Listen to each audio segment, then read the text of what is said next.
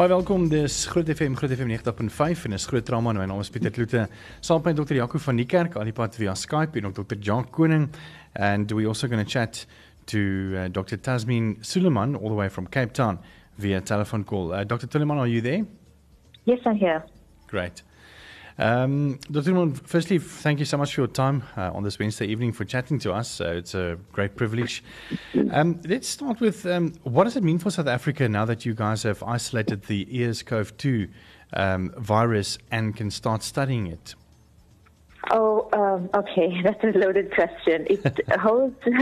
okay, we just to give you an idea of what we've done. We took a patient sample and we have grown it in an artificial setting in a laboratory on uh, cells that can uh, that on which the virus can mm-hmm. grow, and but in that way we produced a live culture of the virus or a concentrated culture of the virus that is pure and doesn't have any other contaminants like other bacteria and stuff that you would normally find in the throat of a patient. Uh, and what that means is that we can now do research uh, to be able to, for example, find uh, or, or to look at antiviral compounds and what can possibly be used to combat the virus. And also, we can use genetic material from this culture that we have. We call it the virus culture. We can use it to provide the genetic material to um, diagnostic laboratories for standardizing testing and also other commercial labs if they want to. Uh, we can provide it to them to be able to develop their kits and use this as a standard or a baseline or like a control, so to say. Yes. So that they uh, know what they what they're heading towards. Another thing that we can do, which, which is probably the most obvious outcome for us, is that we are just basically looking at trying to understand the virus better. So if we mm. know how it works and how it functions, we will have a better idea of how to combat it. Yeah, and, and that you can obviously do now because it's it's uh, uh, uh well, I, I want to say live, uh, but it's not a dead specimen. Meaning, like you know, uh, where would you normally get where the uh, the protein or the the cover is is off, right? Um, yes, that's actually what happens. So when that is one you you are spot on, but the the cover okay fine it's the it's the the nuclear capsid or the membrane, if you want to call it, the viral membrane. That's what when a when a particle is intact, it's got all the pieces put together.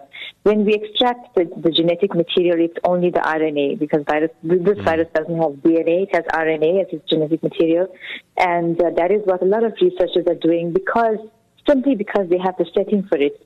Working with a virus like this requires a biosafety level to be laboratory, and there are very few of those in this country, and there are even fewer people who are able to work with this kind of a virus in that setting. Yeah. There are limitations to it. yeah. And what is the process from here on forward? Um, a, a, more or less like a timeline? Uh, timeline is the last thing I'd be able to provide you because, like I said, this, it's a very new virus. It's really novel. We don't know what to expect. Well, we do have some clues based on SARS-CoV-1 of the 2002-2003 outbreak but because these viruses are very similar to uh, SARS coronaviruses. However, we still don't know enough about it to be able to put a timeline to it. It also depends on how ambitious our research is. Yes, if we take what is already being done abroad and repeat it in our labs, we can be able to give you a time frame. But if we want to look at real novel research that nobody else has done, that's a gamble, really. Yeah, so yeah, it, it can take a significant amount of time. And also, what really doesn't help laboratory research is the air freight bottlenecks around the world. That I ordered a very crucial reagent that I need for the laboratory a month ago, and it's not here yet. Uh-huh. When normally it would have been here in a week. So, and it's so critical. So uh, we have no idea what we're playing with. There's so many variables on the playing field right now. Yeah, yeah. and and tell me, how did you feel um, when you, you know, because you obviously worked day and night on this, and then I mean, when, when you when you got into the, lab, the laboratory and you, and you found that the cells was dead, and which means that the the virus obviously mutated. Um, how did you feel? Okay, the virus didn't mutate because people can take that out of context. Okay. The virus was growing. So vi- when because the virus is so small, we can't see it through a microscope. So we look for signs of the, signs that the virus is growing. And when I saw dead cells through the microscope, that was when I knew that my virus had grown. Um, to be honest, I was not surprised because uh, given what I had been taught and told uh, via my other colleagues, um, I knew what to expect. So it wasn't a big surprise, but I felt proud and I felt proud in the sense that I was relieved that I got it right because mm. there's a lot of variables that can be involved when one is doing virus culture, there's a lot of trial and error. It's not as much a um, it's not a one size fits all process. This is one of the the the how do I say it? it you can't even call, to an extent you could call it something like an art. Mm. So you have to you have to fiddle with it a bit to to be able to get it right. So how did I feel? I felt relieved that I finally got it right under the circumstances I was working with, uh, working on under, and um, yeah, basically I felt I felt proud, but in a sense of us having achieved this, of, of us achieving a milestone for our research. Yes. And uh, am I correct in saying that um, you guys are not isolating uh, the research and the knowledge? You're also sharing this, right? Um, yes, correct. Do you want to know more about it? Okay. Uh, yes, we have already shared the virus with uh, a laboratory in Wits because at Wits University because they have the facility for it, and they are doing other research projects. And I think in addition to um, some diagnostic uh, pro- related processes. And we also are collaborating with the UCT Lung Institute, um, basically to share our skills more than our materials and also our materials, uh, because um, they are looking, we are doing collaborative projects together, looking at different things. And um, so there is, there are things that are happening in the background, and there are teams working together to be able to co- combat this pandemic. Awesome. Uh, I just want to hear from my uh, my other guests, Dr. Yaku, Dr. Jock. Do you guys have any questions for Dr. Suleiman? I was just um, wondering, um, is it possible to observe mutations now that you have the virus isolated? Sorry, I didn't get the question. Is it possible to do what? Um, to, to, observe any, um, how the virus mutates um, whilst you have it now isolated. Um, uh, this virus is, from what has been reported, isn't very much like HIV. Like HIV virologists uh, were quite puzzled and uh, curious as to why there is a very low mutation rate with this virus. So there isn't a, a great genetic diversity from, for example, the first patient to the ones we are seeing in the, in the laboratory now. Uh, sorry, to the samples we're seeing in the laboratory now. And this is via co- uh, colleagues who are doing uh, uh, sequence uh, analyses of the virus. But on on um, on a macro level, from what I observe in the laboratory, the virus is fundamentally the same between samples. And that's good news for vaccine development, right? Uh, yes, yes, it is. to an extent, it can be. Depends. It, de- yeah, we never know. There might be another variable to throw a curveball yeah. at us. Awesome, uh, Dr. Yaku. Uh, I'm fine. All right. Um, thank you so much, Dr. Um, uh, Salima. Um, it was really great uh, talking thank to you, you, and me. all the best. Um, and we're looking forward to seeing what else uh, you guys are going to to find. great stuff. The pressure is on. great. Thank you so much. Cheers. Yes, that was Dr. Tasmin Suleiman, all the way from the uh, laboratory in uh, University of Stellenbosch, as well as well. She's working for the University of Western Cape, uh, but they partnered also with the University of Stellenbosch.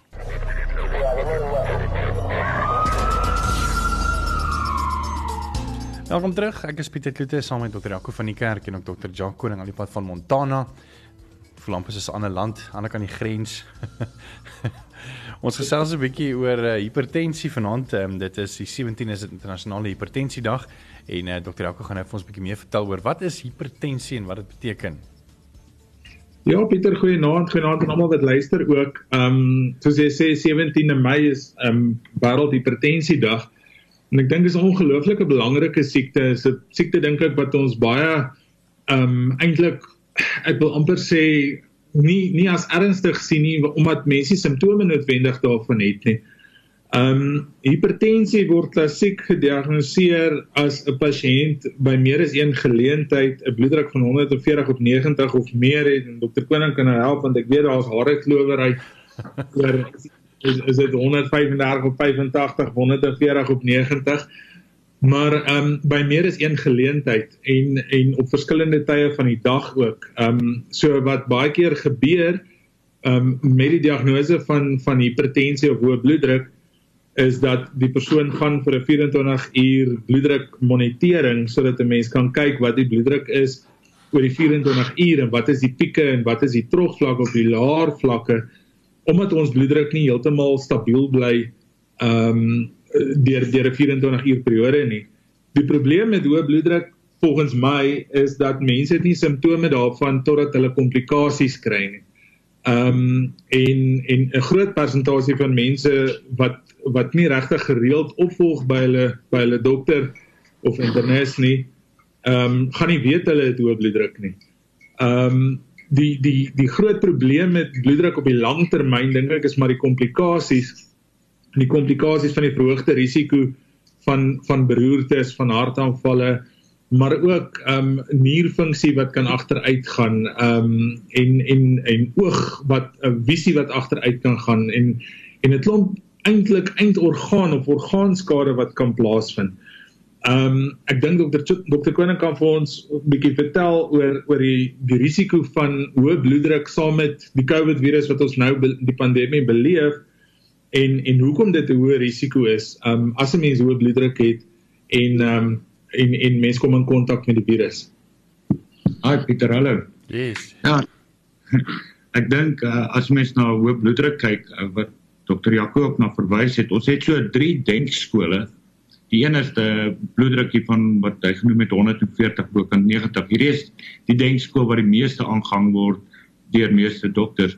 Daar is ook denkskole van hierdie 135 85 En dan is daar stel denkskole wat sê ons bloeddruk is altyd te hoog, ons moet dit so laag as moontlik hou. Dit hang maar af wat is die ander risikofaktore vir vir al kardiovaskulêre siekte. Jy kan dink iemand met suiker siekte byvoorbeeld, mense wil glad nie toelaat dat 'n ander risiko intree nie en hy sal uh, so 'n persoon sal 'n mens dan graag met meer aggressief behandel. Ek dink wat belangrik is by hoë bloeddruk is eers wat dokter Jakob genoem het is hoe om dit te diagnoseer. Uh 'n dokter het 'n paar tegnieke en natuurlik kan hy die pasiënt serieel opvolg en as dit die tendens van bloeddruk is, dan kan um, ons die diagnose maak. Volgende een is hierdie 24 uur armband wat mense dan 'n gemiddelde bloeddrukmeetbepaling kan doen.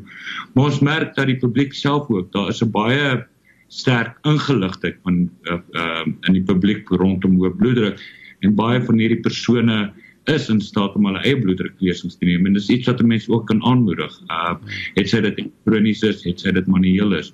Hmm. Wat in Afrika moet onthou word is die baie hoë insidensie van hoë bloeddruk. Uh, meer as 'n kwart van ons volwasse bevolking word op 'n stadium getreiter met hoë bloeddruk en hierdie skep dan 'n verskriklike hoë risikoprofiel vir ons en dan ook dat dit um, hoë bloeddruk as 'n leidende oorsaak van dood en siekte is hierso. Hmm. Uh wanneer persone self hulle uh, bloeddruk by die huis kan neem, um, is dit belangrik dat hulle dit op sekere tye van die dag doen en dan gereeld op daai tye om dan 'n uh, so 'n beeld te kry van uh so byvoorbeeld elke dag om 9uur en dan elke dag om 3uur of kan dit maar enige tyd deur die dag wees uh op nie 'n beperkte tyd nie. Pieter, uh, ek sal dit nie aanraai om te doen terwyl jy in spitsverkeer is nie. Ehm um, ja. Dit uh die die aanbevelings maar net dat mense dit moet doen wanneer mense rustigheid ervaar. Ehm um, oggendlesings, vroegoggendlesings het 'n geneigtheid om effe hoër te wees as maar weens ehm um, wakker word hormone en so wat afgeskei word. Maar uh ons ons beveel aan dat daar rustigheid moet wees en as jy dan merk dat jou bloeddruk wel verhoog het, net weer so 10, 15 minute kans te gee net dan weer te herhaal. Tweede waarde is dan gewoonlik meer verteenwoordiging van wat die bloeddruk mag wees. Ehm uh, hoeveel keer 'n dag dit hang van persoon tot persoon. Ehm uh, gemiddeld 1, 2 keer as 'n mens bekommerd is of 'n mens wil jouself dophou of het sy dit beheer is of het sy dit dalk 'n uh, prognose mag weet.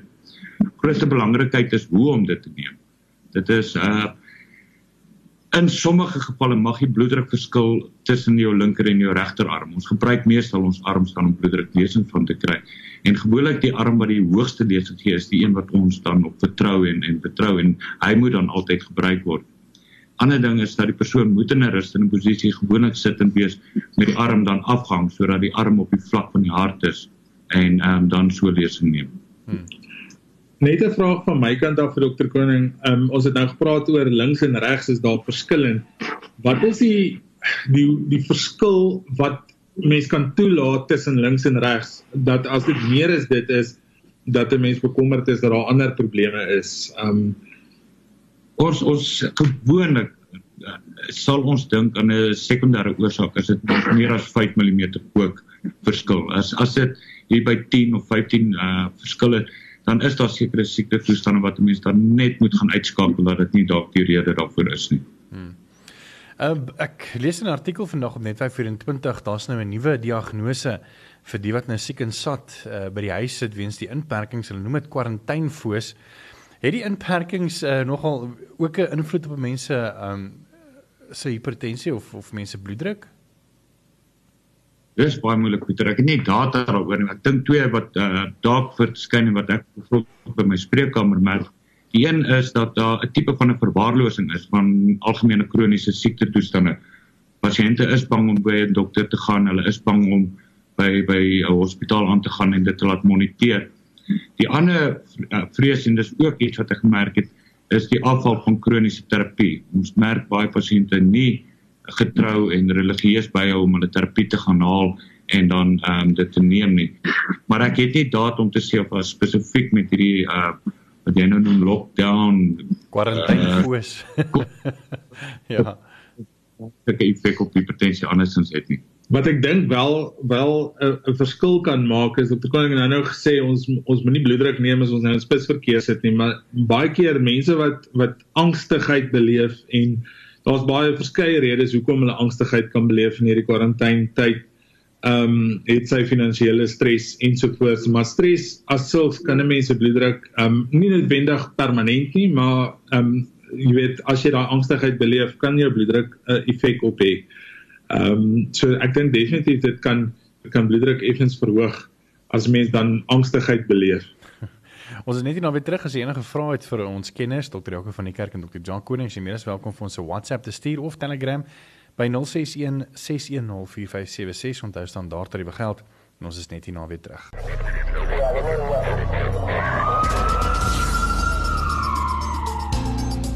Welkom terug. Dis groot trauma. Ek is Pieter Kloete saam met Dr. Jaco van die kerk en Dr. John Koning aan die pad van Montana. Ons gesels 'n bietjie oor hipertensie want die 17de Mei is internasionale hipertensie bewusmaking en ons nou vroeër bietjie gesels ook oor wat is hipertensie en die meer en uh, ons gaan nou 'n bietjie stil staan oor wat veroorsaak hipertensie. Ehm um, daar's baie interessante stemnote wat hier gekom het van Alfrida en sy sê die volgende. Hallo Pieter en span, dis Alfrida hier. Hoop dit gaan goed met almal. Ehm um, weet jy ek ek wil graag weet ek het al my lewe was my bloeddruk normaal. Ek is nou 55 en ek het nog nooit met my bloeddruk gesukkel nie. En toe seker so 4 maande, 5 maande terug met 'n check-up, toe kom ons agter my bloeddruk is baie hoog. Uh en ons het weer herhaal om te kyk. Ehm um, en dit is my bloeddruk is nou hoog. Skielik en nou moet ek 'n bloeddrukpil neem, maar ek verstaan nie.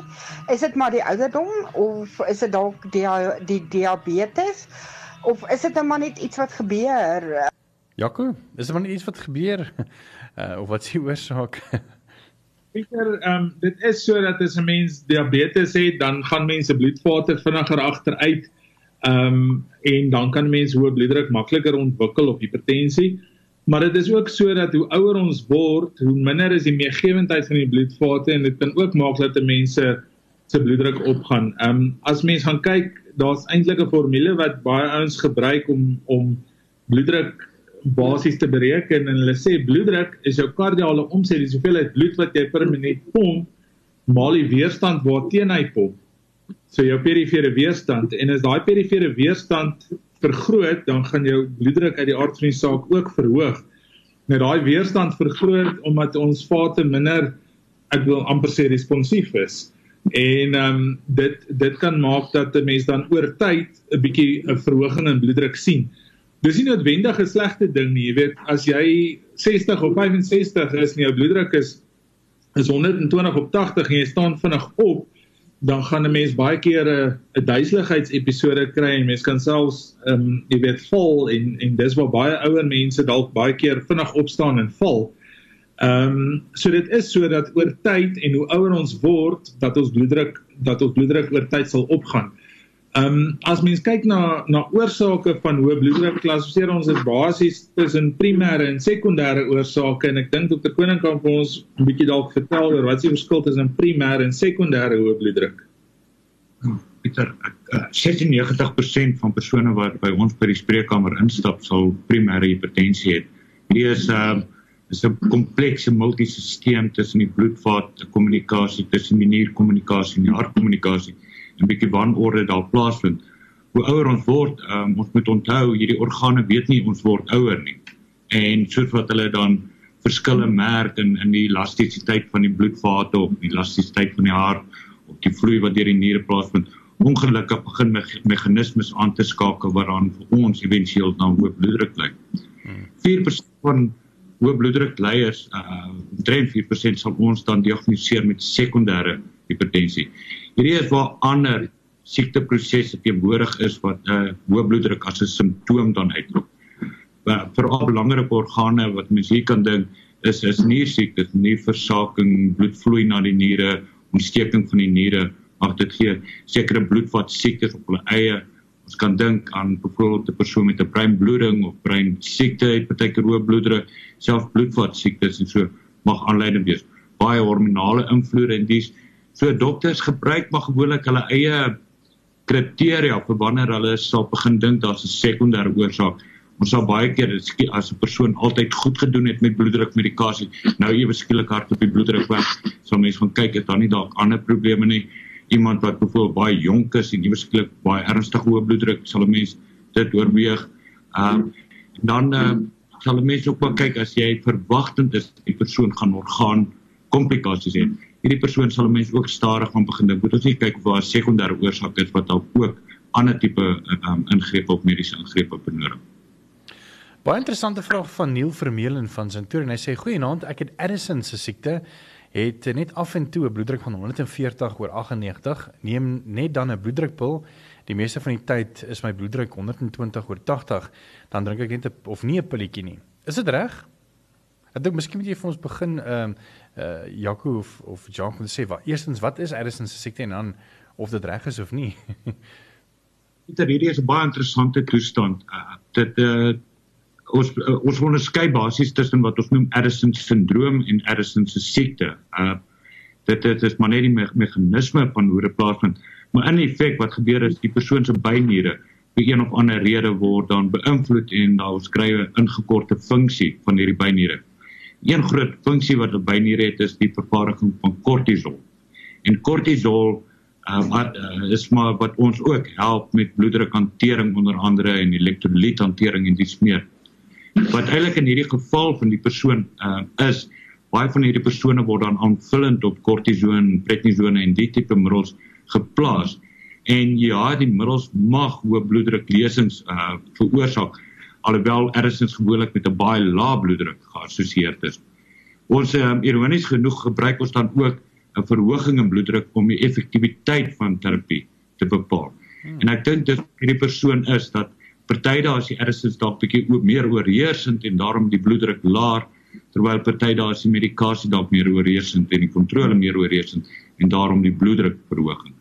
Ernstig is ongelukkig ook 'n siekte wat éventueel met orgaansiektes geassosieer is en ons kry baie keer bloedvatsiektes jy weet dit. So ons as geneesheer is nogal geneig om liewer sou ons hoë bloeddruk sien of cholesterol of suiker siekte saam met dit dit ook te behandel. Ek dink die persoon doen die regte ding om dis bietjie meer 'n unieke sekondêre oorsaak lyn wat hy ek dink hy doen die regte ding om sy bloeddruk gereeld te moniteer en te kyk hoe hoe benodig hy terapie daarvoor. Dis nou nie iets wat ek vir almal sal aanbeveel nie, maar in sy geval is dit dalk 'n goeie roete. Hmm. Uh dan sê Tia, hy's 'n goeie naand julle. Ek wil graag by een van die dokters hoor, uh waarom Amlock my bene en voete laat swel? My bloeddruk is gewoonlik 174 oor 113 en drink Amlock asook Famapresco, maar die Amlock laat my bene swel. Dit uh, Pieter hierdie is 'n groep middels wat ons noem kalsiumkanaalblokkers. Ehm um, en ek wil amper sê die hele spektrum van hulle het hierdie as 'n neeweffek. Kalsiumkanaalblokkers natuurlik het sy plek. Uh is baie maal tweede linie middels, partymal gebruik ons dit as eerste linie teen teen die geveg van die hoë bloeddruk. Ons spot altyd gesê die die lekker ding van kalsiumkanaalblokkers is dat hulle werk en die slegte ding van kalsiumkanaalblokkers is dat hulle werk. Uh wat dan bedoel is kalsiumkanaalblokkers is minder geneig om te onderskei tussen slagare en dan uh, benese are wat bloed terugneem. En party persone is dan gevoelig dat selfs die bloedvate wat dan 'n uh, bloed terug na jou hart toe neem en nie net die slagare wat dit weg vanaf die hart neem dan ook hierdeur geaffekteer word en begin uitlek omdat hulle verwyd. En hier is waar ons dan um, oortyd met swaartekrag merk ons dan partykeer swelling van die bene. Daar is tegnieke om dit te probeer oorkom en soos wat sy daar ook gebruik, ons gebruik ander klasse middels soos die uh ys inhibitore, die ARB uh klasmiddels. Maar ongelukkig vir partye is dit 'n regtig onverdraagsame neeweffek en en moet 'n mens maar liewer die middels stap om verligting te gee. Dit moet egter ook onthou word uh hoë bloeddruk kan later orgaansiektes soos hart en niere veroorsaak. En baie keer word hierdie swelling van bene beide kante toe verwar met hartversaking of nierversaking. Dis baie keer as sien die persoon hulle been swel nou, hulle moet daarom hartversaking hê of baie keer swel die been en ons sê nee, maar dit moet my bloeddruk wil wees. So altyd maar goed om net die geneesheer te raadpleeg, net seker te maak wat se kant toe en dat dit nie dalk 'n ander tipe siekte toestand is wat mense dink. Ehm uh, dit is nie. Ja. En ja, hoe behandel mense um, hoë bloeddruk? Um, is daar ander maniere? Ek meen, is dit maar net 'n gesonde leefstyl wat help dat mense bloeddruk ontoom gehou word? Uh, en wat kan 'n mens doen? Pieter, ja, ek dink as jy medisyne handboeke gaan lees, dan begin alles met 'n goeie dieet en oefening. um, Gewichtsverlies en alles wat mooi en gesond is wat ek dink baie min mense regtig leef. Ehm um, maar dit is so die oomblik wat 'n mens gewigsverlies het, die oomblik wat 'n mens aktief is, ehm um, en 'n gesonde lewenstyl handhaaf, gesonde dieet handhaaf, dan ehm um, gaan 'n mens se bloeddruk baie keer beter lyk as wat dit wat dit die die, die teendeel gaan wees. Ehm um, maar iemand wat regtig primêr of sekondêre hipertensie het, ehm um, moet maar medikasie kry en moet eintlik gereeld opgevolg word om ook seker te maak dat hulle nie sekondêre orgaanskade kry nie. Jy weet, mense moet maar gereeld gaan kyk, ehm um, begin mense nie proteïene verloor in die niere nie. Is die oë nog reg? Ehm um, kry mense nie groot vergroting van die hart of verdikking van die hartspier nie. Ehm um, en daar's verskeie middels en klasse van middels. Dr. Koning het dan praat van die kalsiumkanaalblokkers, die ACEs, die ARBs, ons kry beta blokkers, daar's waterpille of diuretikums wat baie keer gebruik word. Ehm um, en en dit word uniek aan die pasiënt se omstandighede of daarbey aangepas. En dis dink ek 'n ander belangrike punt net om te sê is mense kry baie mense wat wat ek wil amper sê by vriende gaan sit en sê ek het hoë bloeddruk en dan sê die vriendin of die vriend vir jou hy het ook nou gesien sy bloeddruk is hoog en dan deel hulle 'n pilletjie. Een pilletjie gaan nie vir almal help nie en jy kan baie keer baie baie ernstige neeweffekte kry as jy pille oor en weer gaan gaan gebruik. Ek sê altyd die oomblik waar daar waar daar 100 pille is om een siekte toestand te behandel, is dit baie keer baie moeilik om die regte een te kies vir 'n betrokke pasiënt in sy betrokke omstandighede. Ehm um, so ja, oefening en dieet en dan medikasie, maar jy moet regtig waar individueel gaan kyk na elke pasiënt op sy eie en kyk ehm um, wat die beste vir daai hom of haar gaan wees. Stil by elke van die kerk en ons is net hier na weer terug.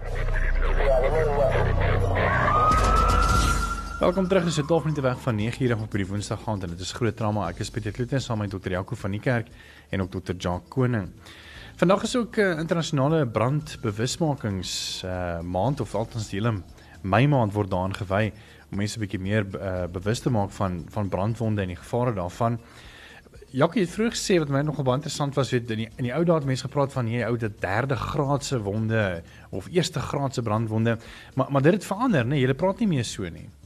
Ja, Pieter, um, ons het altyd gepraat van eerste, tweede en derde graadse brandwonde wat eintlik op grond van diepte is. Die eerste graadse brandwond sal dan iets wees soos so sonbrand waar die vel rooi is, sensitief is, ehm um, maar nie deur die epidermis gebrand is nie. Die die tweede die tweede ehm um, graadse brandwond was dan altyd die dieper brandwond maar waar die senuwee eindpunte oop is en dis eintlik die seerste brandwond wat 'n mens kry. En dan dit is gewoonlik warm water of vuur of een of ander um, redelik jy weet 'n skade veroorsakende hitte wat dan vir jou, jou vel so amper 'n gedeeltelike voldikte brandwond gee.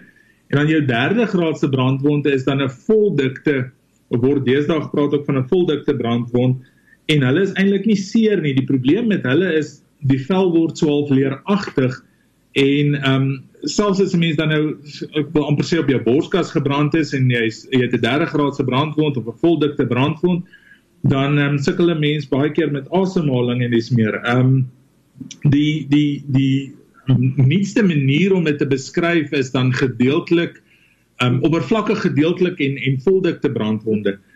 Um en dit is belangrik om te onderskei tussen die die die verskillendes omdat die die behandeling heeltemal verander.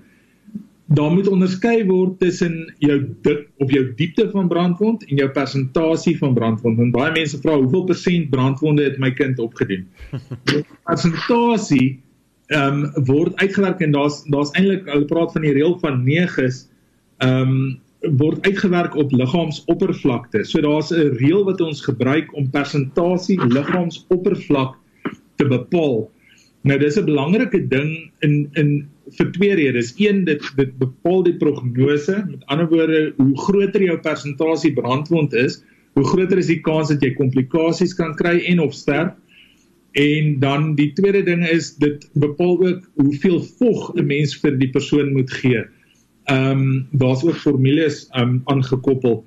Die groot komplikasie van brandwonde ehm um, aan die einde van die dag is maar infeksie of sepsis en vogverlies en dis hoekom dit belangrik is om die persentasie brandwond uit te werk om te kyk ehm um, is daar vogverlies ehm um, wat jy moet aanvul en hoeveel daarvan jy moet aanvul.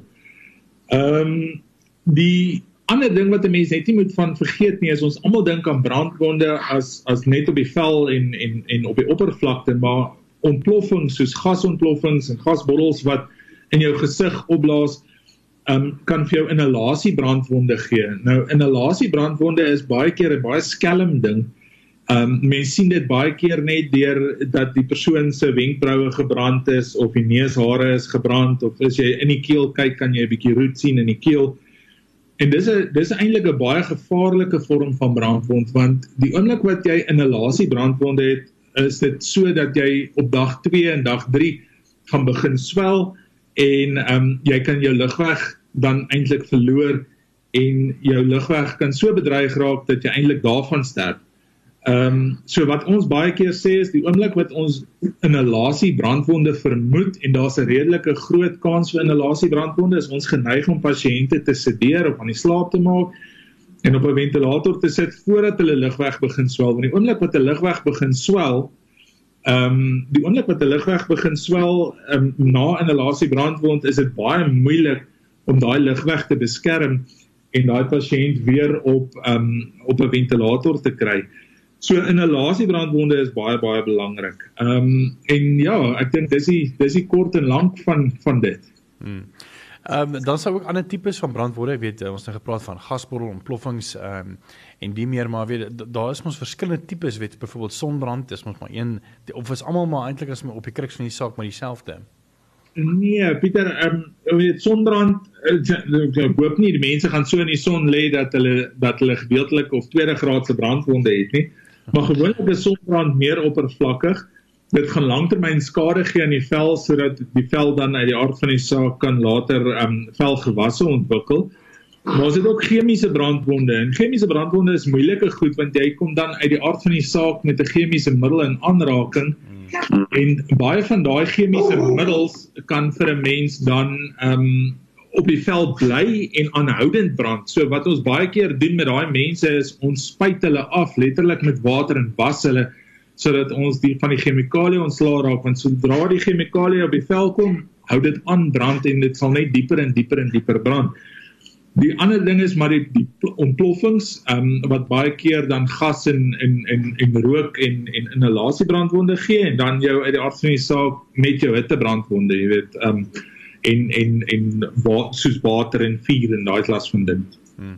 Net net interessante vraag. Ehm um, persone wat uh, ek meen dit gebeur nie. Ek dink mense gaan eerder doodgaan deur 'n haai byt, maar uh, as 'n weerlig jou slaan, ehm um, is dit moontlik dat die die hitte van so 'n slag uh moontlik intern ook 'n uh, 'n mens kan brand, byvoorbeeld organe wat te warm word of of so, ek weet nie. Ja, definitief Pieter, ek dink weerlig is 'n is 'n unieke ding want weerlig het 'n paar effekte. Een baie keer is weerlig jy slaan en sien jy nie die goed van die die, die persoon van buite af lyk nie vir jou so gebrand nie. Dis amper soos 'n elektriese brandwond ook, né? Nee.